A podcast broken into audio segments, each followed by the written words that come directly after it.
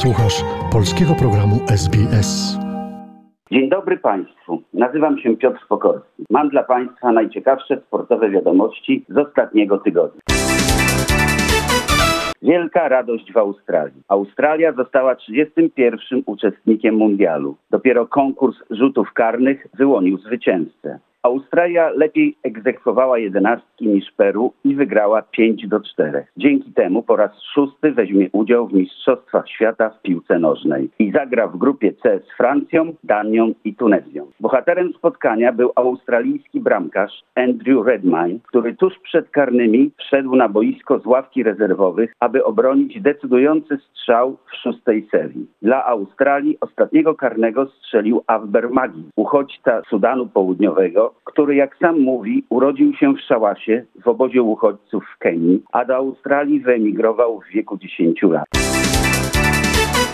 Niestety, mniej szczęścia mieli nasi sąsiedzi. Kostaryka przez 90 minut barażu z Nową Zelandią broniła się całą jedenastką. Pomimo to wygrała 1 do 0 i tym samym awansowała na mundial jako ostatni 32 uczestnik. Mecz ustawił gol strzelony przez Kostarykę już w trzeciej minucie. Później All Whites mieli zdecydowaną przewagę przez resztę meczu. W posiadaniu piłki 70 do 30%, a w ilości strzałów na bramkę 15 do 4. Nie mieli również szczęścia do decyzji sędziego. Najpierw nie uznał im bramki, następnie pokazał czerwoną kartkę piłkarzowi Nowej Zelandii. Wracamy do Europy. Media donoszą o wspaniałym geście Roberta Lewandowskiego. Kapitan reprezentacji Polski przekazał koszulkę ze swoim autografem na aukcję charytatywną mającą wspomóc nastolatka z Ukrainy, który po śmierci matki zabitej przez rosyjskie pociski musi sprawować opiekę nad czwórką młodszego rodzeństwa.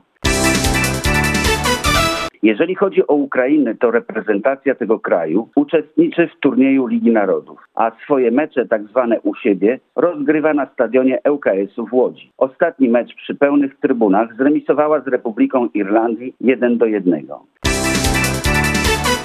Znamy już gospodarza, a raczej gospodarzy mundialu w 2026 roku. Po raz pierwszy gościć będzie aż w trzech krajach w Kanadzie, Meksyku i Stanach Zjednoczonych. Inną nowością będzie to, że w mistrzostwach tych wystąpi aż 48 zespołów w odróżnieniu do 32 ekip, które wystąpią w Katarze.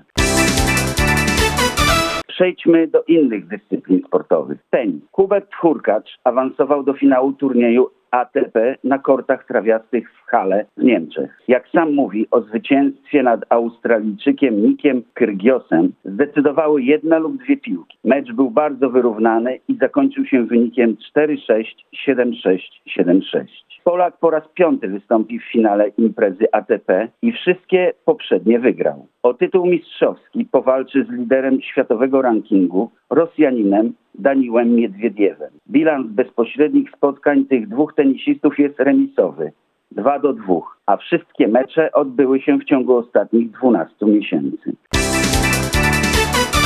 Serena Williams wystąpi w Wimbledonie. 40-letnia Amerykanka otrzymała tak zwaną dziką kartę. Będzie to powrót do gry 23-krotnej triumfatorki turniejów wielkoszlemowych po roku przerwy spowodowanej kontuzją. Wspaniale byłoby zobaczyć finał Iga Świątek Serena Williams.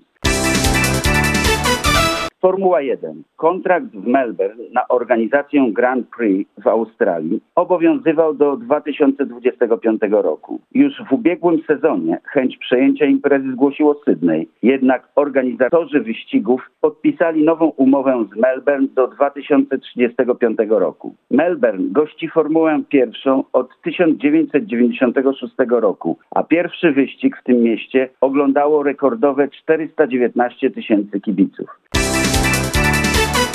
Koszykówka. Mistrzostwo NBA w USA zdobył po raz czwarty w ostatnich ośmiu latach zespół Golden State Warriors z San Francisco, wygrywając w finale z Boston Celtics.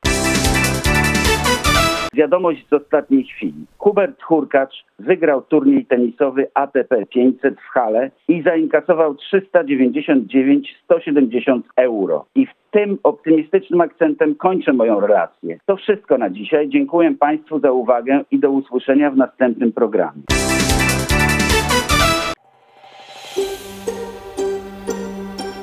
Zainteresowało Cię? Chcesz usłyszeć więcej? Słuchaj nas na podcastach dostępnych w Apple Podcast, Google Podcast czy Spotify lub w jakimkolwiek innym, który używasz.